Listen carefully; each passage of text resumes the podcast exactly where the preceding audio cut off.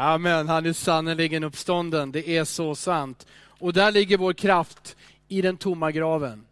Graven är tom. Han finns inte längre kvar i graven. Eh, det är påskdagen 2020. Jag nämner två stycken namn eh, för er ur Bibeln, välkända, som har med den här berättelsen att göra. Petrus och Judas. Nyckelpersoner i det som hände runt om Jesus. Den första Petrus känd som en apostel. Eh, delar av kristenheten kallas han för ett helgon. Eh, Judas är känd som förrädaren, som svek. Eh, han, han förrådde.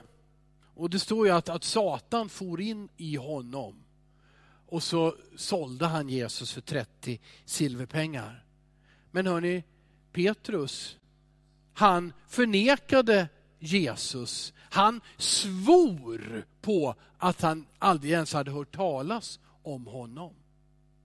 Och när, när, när, Jesus, när Jesus var en gång tvungen att tillrättavisa Petrus, i hans ans, rakt i ansiktet sa han, gå bakom mig, gå bort Satan. Varför, när båda, alltså båda har ju miss, bådas misslyckande är ju tyvärr för båda två historiskt dokumenterat. Men varför skiljer sig då vår bild så mycket utav Petrus å ena sidan och Judas å andra sidan? Jag kommer att komma tillbaka till det här först mot slutet, alldeles i slutet av predikan. Som sagt, det är påskdagen. Vi har två riktigt, riktigt stora helger inom kristenheten. Vi har flera, men två som är speciellt stora i vår kultur också är julen och påsken. I julen där får ofta krubban vara en symbol. Krubban är fylld med någonting. Den är fylld med ett barn som ropar Emanuel, Gud är nära, han är här. Till påsken, då är det någonting annat som är, då är det graven.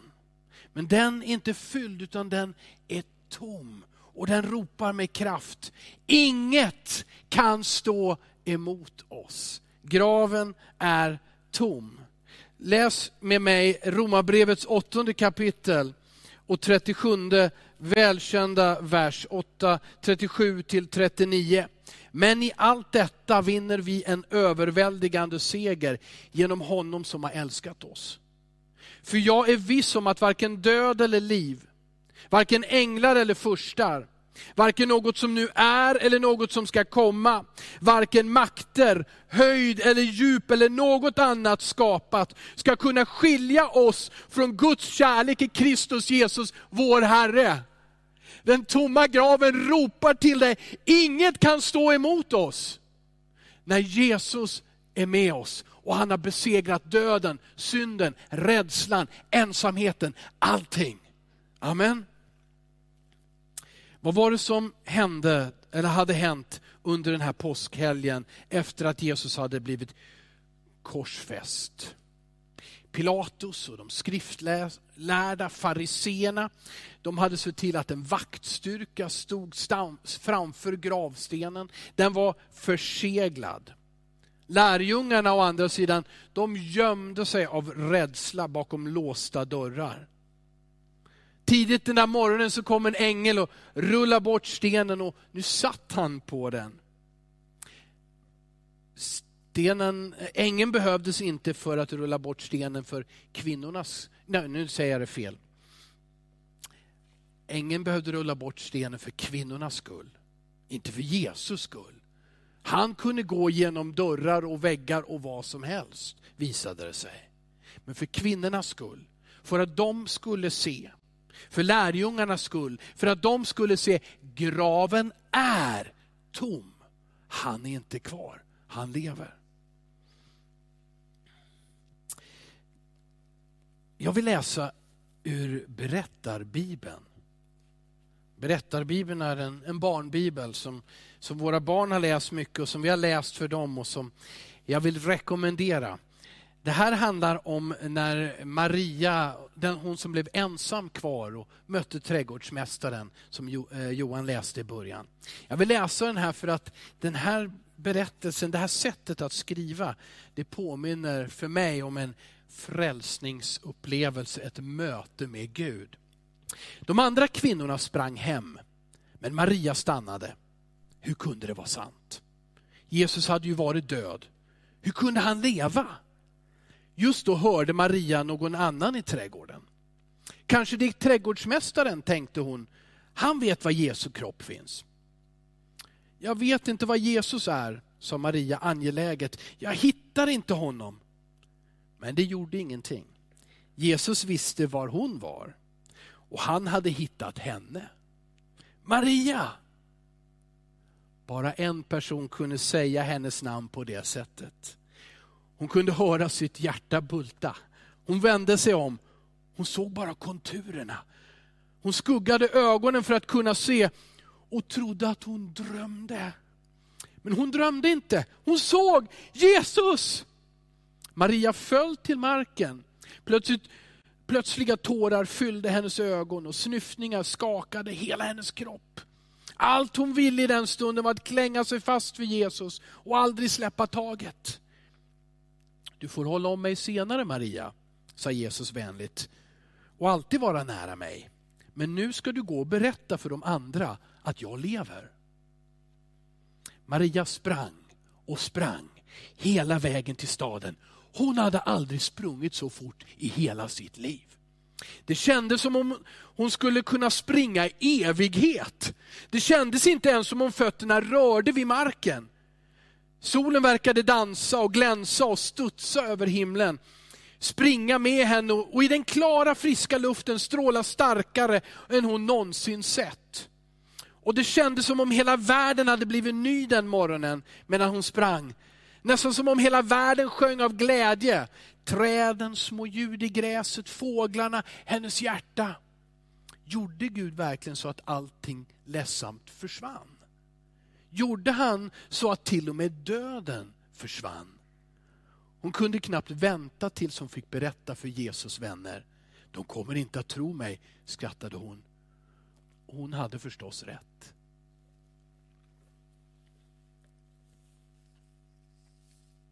Jag vill att vi ska tänka på betydelsen av den tomma graven idag.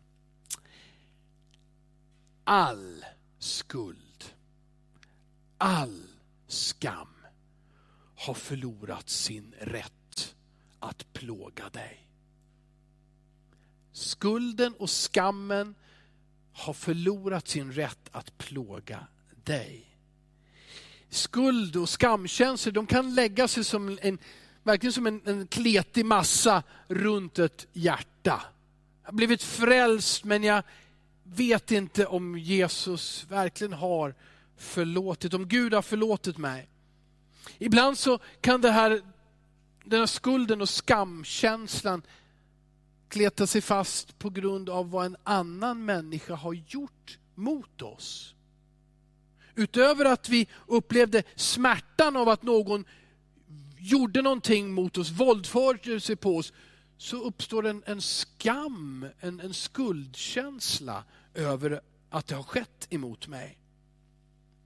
Andra gånger så kommer den här skammen ifrån vår egen synd på grund av ett val, ett dåligt val som jag har gjort någonstans längs vägen. Jag tog ett beslut.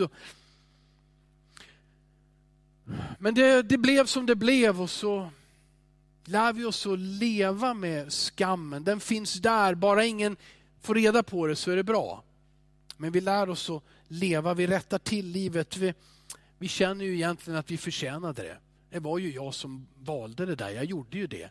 Jag visste ju vad som skulle hända. Man hade varnat mig och jag gjorde det. Så ja, ja, ja vi lär oss att leva med den där skammen och känner att vi förtjänar den. Det vill säga att vi inte förtjänar förlåtelse. Skam kommer i, i många former. Men jag vill tala till dig och till er som inte vill förlåta er själva. Den tomma graven betyder att skammen har förlorat sin rätt att plåga dig. Nu ska vi titta på Bibeln lite grann här. Hur kunde skammen förlora sitt grepp och sin rätt att plåga dig? Vi ska försöka för, förstå ett ord som i svenskan är gammalt. Ehm, det finns olika ord och båda är gamla. Eh, känns, eh, oj vad betyder det här? I vissa bibelöversättningar så står det återlösning.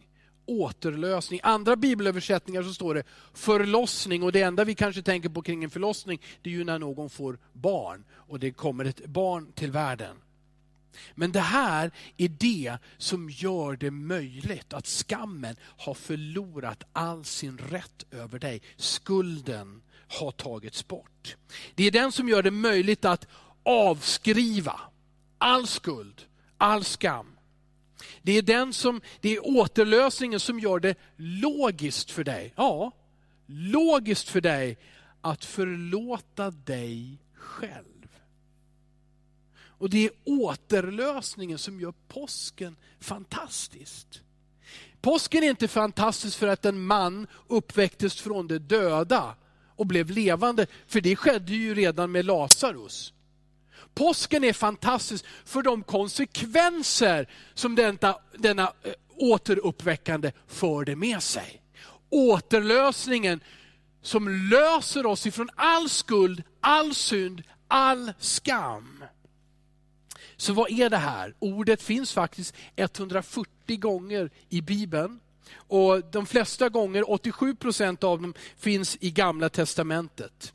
Andra eh, sätt att uttrycka det här är befrielse, frälsning, räddning.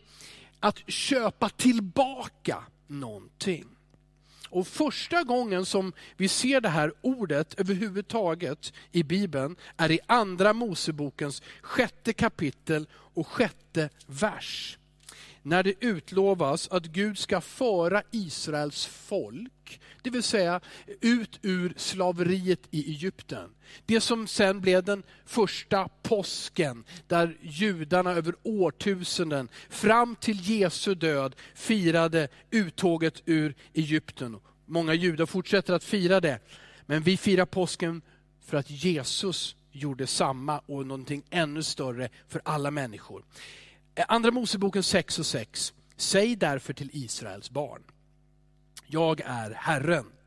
Jag ska föra er ut ur Egyptens tvångsarbete och rädda er från deras slaveri. Och jag ska återlösa er med utsträckt arm och stora straffdomar. Gud säger att han ska återlösa eh, judarna eller israelerna. Det här är första gången som ordet förekommer i Bibeln. Men konceptet om återlösning finns från Bibelns första sidor. Om vi tittar i första Mosebokens tredje kapitel. Det är där vi har läst om skapelsen. Redan därifrån så växer konceptet fram. Gud har sagt, i princip så sa Gud så här till Adam och Eva, jag älskar er. Synda inte, för synden dödar. Men vi vet att Adam och Eva valde sin egen väg. De syndade. Då står det bland annat så här i eh, Första Moseboken 3 och 21. Herren Gud gjorde kläder av skinn åt Adam och hans hustru och klädde dem. Han gjorde kläder av skinn åt Adam och Eva efter att de hade syndade. Varför? Jo, för att de kände skam. Det står att de kände skam över sin nakenhet. De kände skam över att de blev rädda när Gud kom till dem, så de gömde sig. Så att de försökte göra fikonlöv eller någonting för att skydda sig. Men Gud gjorde kläder åt dem för att skydda dem från den där uppenbara skammen. Men om Gud gav dem skinn, var kom det ifrån? Jo, då måste det första offret ha offrats. Det första djuret har slaktats. Så från allra första början vill Gud tala om för oss, jag ska återlösa er, men det kostar liv. Det kostar blod för att göra er fria och återupprätta er. Det här finns med genom hela Bibeln. Och det växer, hela denna tanke på ett ställföreträdande offer. Som istället för dig och mig tar platsen. Intar platsen där, skum, där skammen och skulden och synden regerar. Tar vår plats. Och Det här konceptet går genom Bibeln och fullkomnas naturligtvis i Jesus Kristus och på påsken när han ger sitt liv för oss. Det står i Efesebrevet 1 och 7 på följande sätt. I honom är vi friköpta. Det är samma ord som återlöst. I honom är vi friköpta genom hans blod och har förlåtelse för våra synder tack vare den rika nåd som han lät flöda över oss. Och Samma tanke finns även i Kolosserbrevet 1 och 13 och framåt. Han har frälst oss från mörkrets välde och fört oss in i sin älskade sons rike. Vers 14, i honom är vi friköpta och har förlåtelse för våra synder. Amen. Han har återlöst oss genom ett ställföreträdande offer. Men det täcker inte bara vår synd eftersom Jesus gjorde det här frivilligt. Eftersom han var syndfri och oskyldig. Och eftersom graven är tom. Så renar hans blod oss och förnyar våra liv. Han tar inte bara bort, han dammar inte av. Han tar inte bort ett ärr. Han sätter inte ett plåster på ett sår. Han renar och förnyar helt och hållet dig som människa. Det här är vad återlösningen gör. Hur den befriar dig så totalt. Om du har upplevt det här, om du har upplevt reningen och förnyelsen, då finns det glädje i dig, eller hur? Då finns det en lovsång.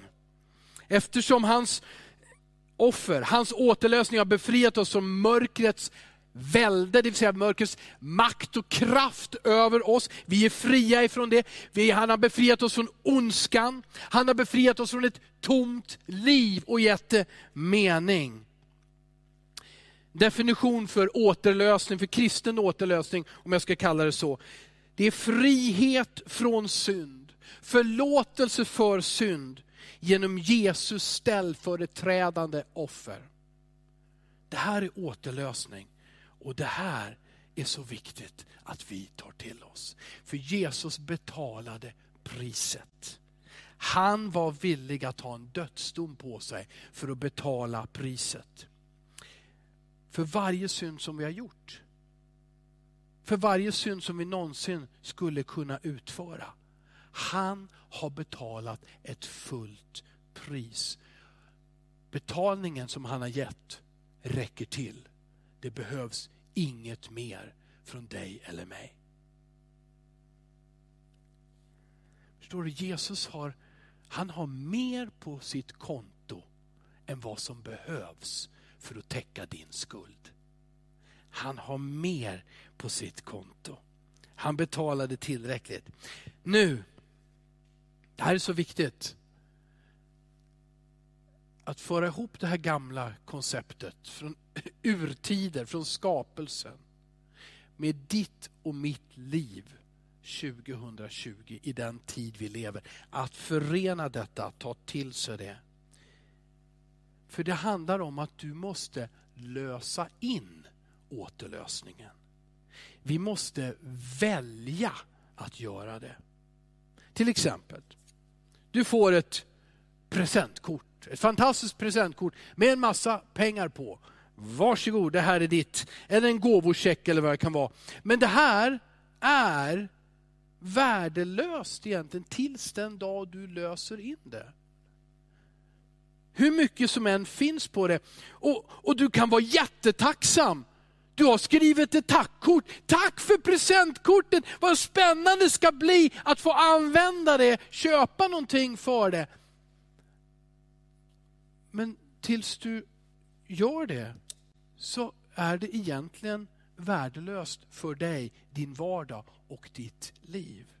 Därför så måste du lösa in återlösningen som Jesus har gett för oss. Så det räcker inte att uppskatta gåvan, utan att verkligen ta emot den och också använda den.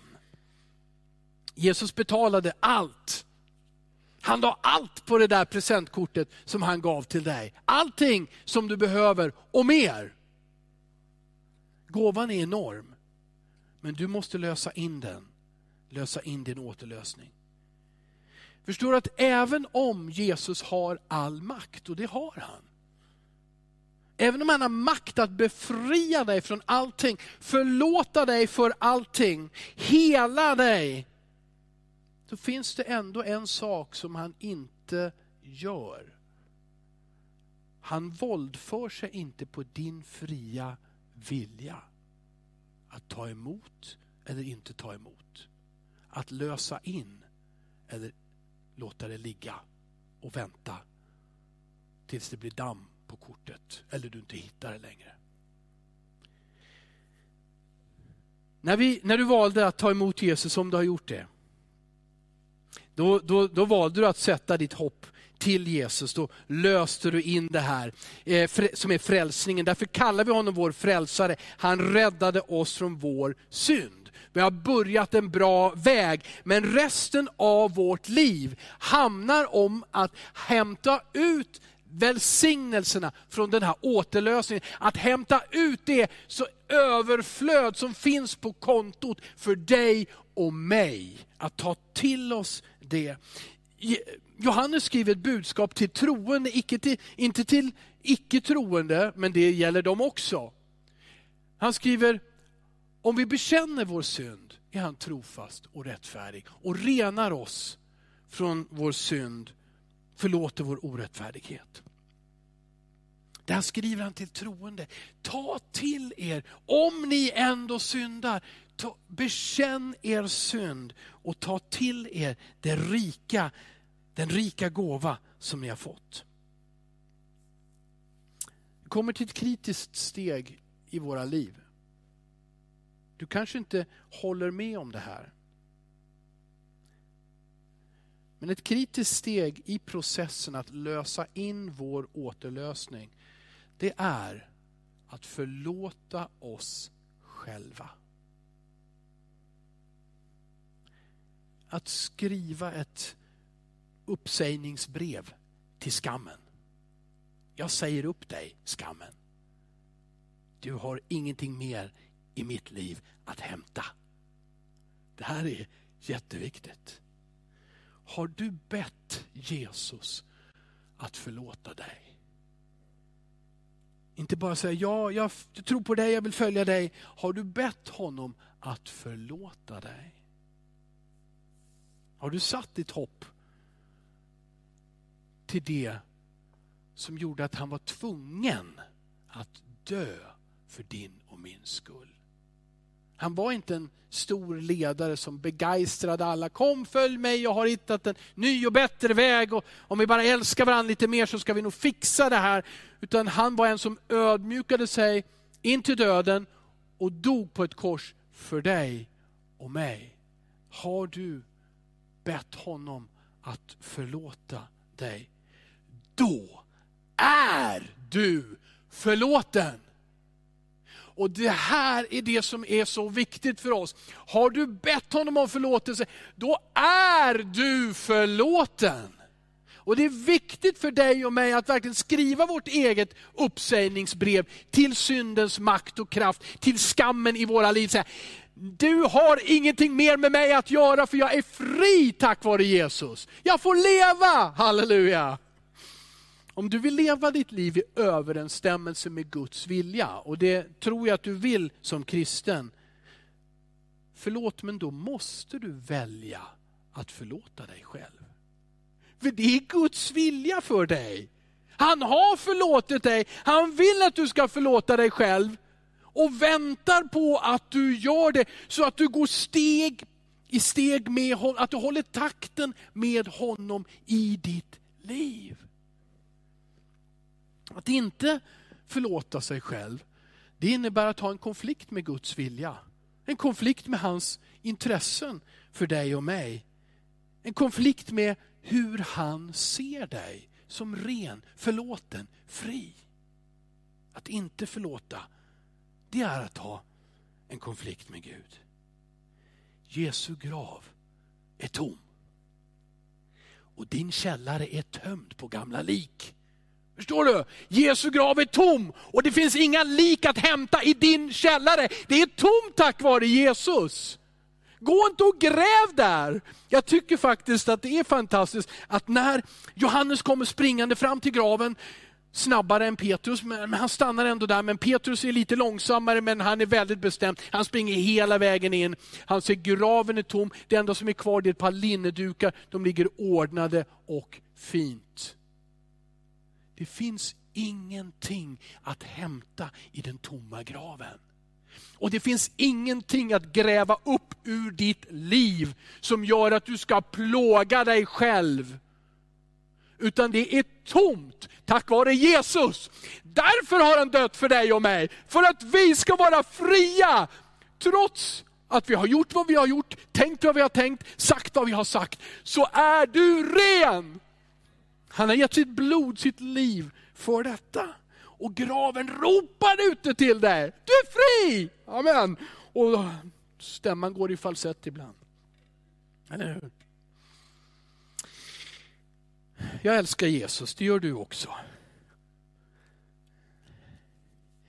Men kärleken till Gud och kärleken till oss själva växer faktiskt tillsammans.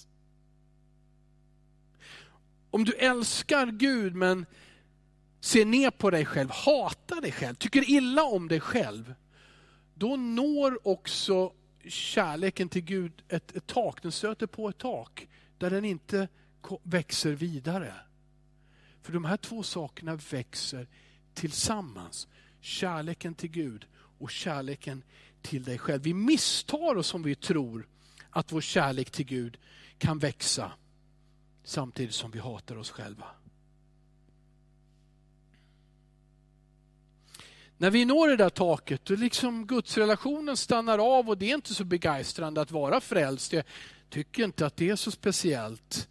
För jag är inget bra heller och det, livet är inte så roligt. När vi når det, då behöver vi en vishet att urskilja.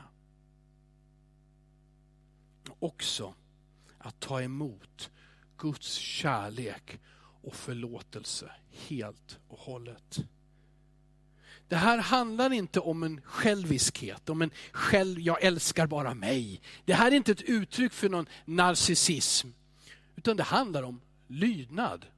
Gud älskar dig, han har förlåtit dig, så älska dig själv och ta emot hans förlåtelse. Det handlar om att säga så här, jag står med Gud och säger, jag är förlåten. Jag ställer mig med Gud. Vi tillsammans och säger, proklamerar, jag är förlåten. Det är därför jag så ofta säger halleluja. För det betyder lova Gud. För jag blir så glad när jag tänker på det här. För jag har gjort så många fel. Och jag har upplevt mörkrets makt i mitt liv. Men Jesus har förlåtit och gjort mig fri. Och samtidigt så vill jag inte ge bilden av att jag blev så genomfrälst att inte jag heller behöver detta. Utan detta är våra liv. Att steg för steg i den här processen ta emot mer och mer av Guds kärlek, av Guds förlåtelse och lämna skammen. Amen. Graven är tom. Den är tom, den är tom. Så lös in det. Men några tecken på att vi kanske inte har löst in återlösningen till fullo. det är om vi gång på gång återgom, ja, återkommer till det här vårt, vårt gamla liv, till gamla saker som vi har gjort och tänkt och sagt och så vidare. Minnen som plågar oss. Saker som gjordes emot oss, vi ältar det. Vi, vi påminner oss själva om våra misslyckanden, hur vi inte dög till. Vi, vi säger saker som, om jag bara hade gjort, om jag bara hade handlat annorlunda. Det är ett tecken på att vi inte till fullo har löst in vad Jesus har gett oss. Eller när vi känner skuld. Att vi börjar bedöva oss själva med olika saker för att slippa känna skulden, skammen, det dåliga samvetet. Ni vet, man kan hitta på en massa grejer, bara höja tempot i sitt liv på någonting. Om det är underhållning, eller arbete, eller relationer, eller någonting, eller nya äventyr. Bara se till att musiken är tillräckligt hög i hörlurarna så jag inte behöver höra mitt hjärta och mina tankar. Betyder det att vi inte har löst, det är ett tecken på att vi inte har löst in den där återlösningen. Eller när vi till och med skadar oss själva på olika sätt. Ett annat tecken är att tänka, Gud älskar alla och han tolererar mig. liksom. Han, han okej. Okay. Jag förtjänar inte bättre för jag är inte speciellt bra. Det är ett tecken. Får jag antyda att om du tänker så, dina tankar går i den riktningen, så har du inte till fullo löst in din återlösning än. Men Jesus har betalt för mer än du har löst ut än så länge. Jesus har betalt för mer än du har läst ut. Alltså, jag tog det här presentkortet för det var för att jag städade här om dagen. Och när jag städar i vissa fack och det ligger papper och så vidare, då händer det lite då och då tyvärr. Åh, oh, ett presentkort! Och så försöker jag komma ihåg vem det var som gav det till mig och fundera, har jag, har jag sagt tack och så vidare. Eh, mm. Ja, men jag kanske har tackat. Min ursäkt, min personliga ursäkt brukar vara, ah, jag hinner inte lösa in den här, men jag ska göra det så småningom. Eller hur? Jag ska, jag, ska, jag ska göra det. Det här är jättefint, vad roligt det ska bli. Men just nu har jag inte tid för det. Jag hinner liksom inte riktigt. Ibland är det liksom en... Hur ska jag säga?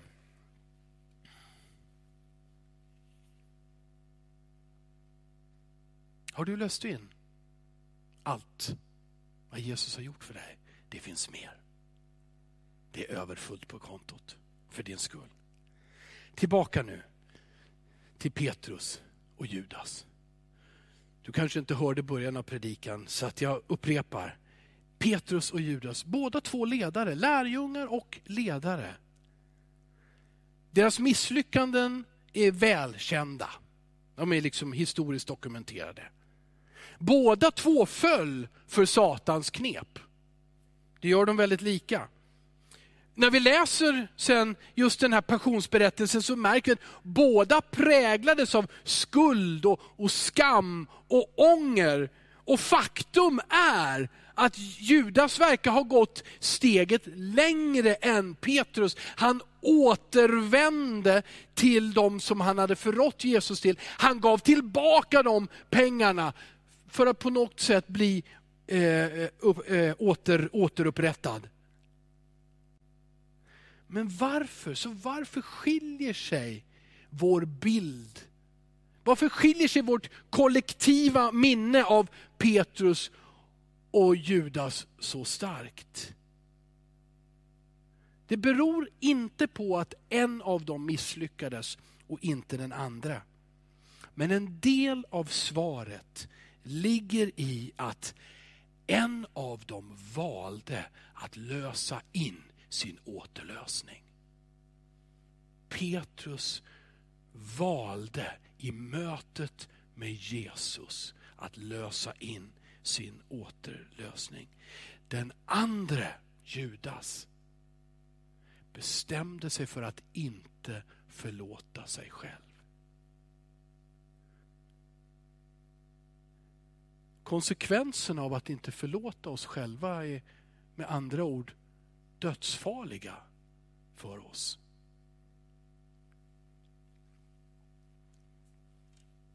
En del av oss, en del av er bär omkring på så mycket skam.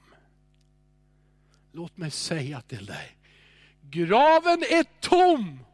Graven är tom. Han finns inte längre där. Han har tillräckligt på sitt konto, Jesus, för att täcka dina skulder, din synd, allting.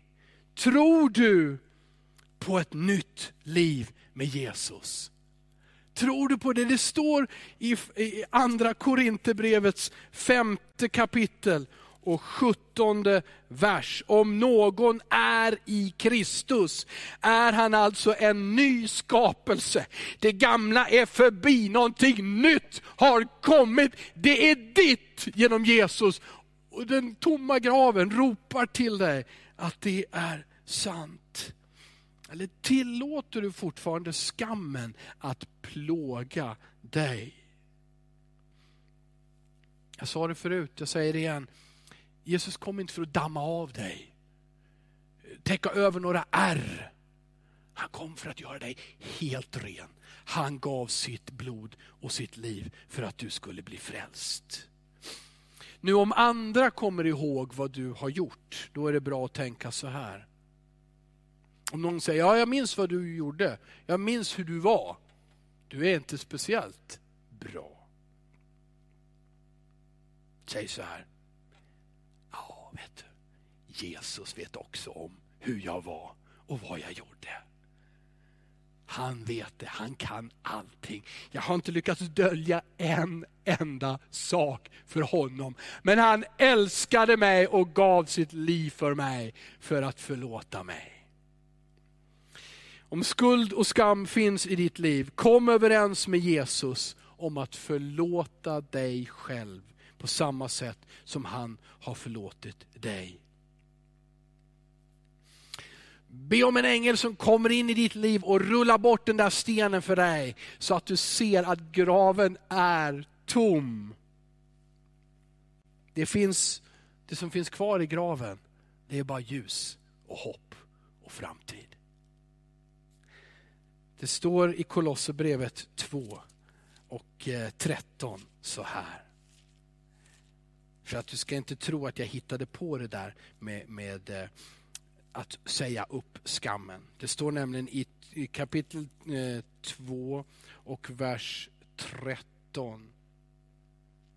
Han har förlåtit oss alla överträdelser och utplånat skuldebrevet som vittnade mot oss med sina krav.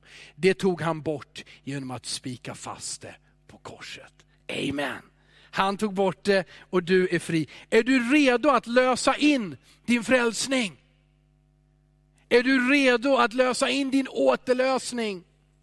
Ditt arv i en ännu större utsträckning än du har gjort. Om jag nu kom med det här presentkortet och sa, det är en miljon kronor värt, en miljon har jag satt in på det här presentkortet, välkommen. Du skulle väl springa fram, antar jag. Eller du kanske är väldigt, väldigt ödmjuk och försiktig, så du visar ju ingen att du skulle vilja ha en miljon kronor. Men om ingen ser på, då är jag säker på att du skulle springa och ta det. En miljon kronor! Spring till Jesus! Spring till honom! Spring mot honom som är din återlösare, din älskare, din frälsare, din framtid. Bara kasta dig i hans famn. Han har verkligen tagit bort all skuld och skam. Kolla fakta. Graven var tom, graven är tom. Han har gett sitt liv och vunnit, står det i Hebreerbrevet 9 och 12, en evig återlösning. Glad påsk vill jag ropa till dig.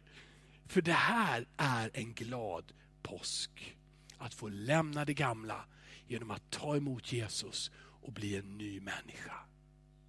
Jag vill be Gabriel och lovsångsteamet att ni kommer och, och, och spelar och en sång som jag tror uttrycker det här bättre än vad jag har lyckats göra i predikan.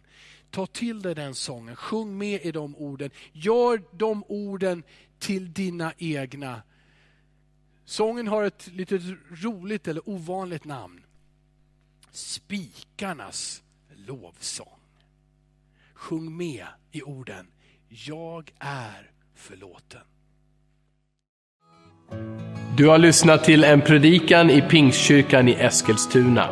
Om du vill höra den igen eller höra andra predikningar eller se, då finns vi på TV Eskilstuna och vi finns på Youtube där du hittar oss under eh, Pingstkyrkan Eskilstuna. Du kan också klicka på prenumeration om du vill veta när nya predikningar läggs ut.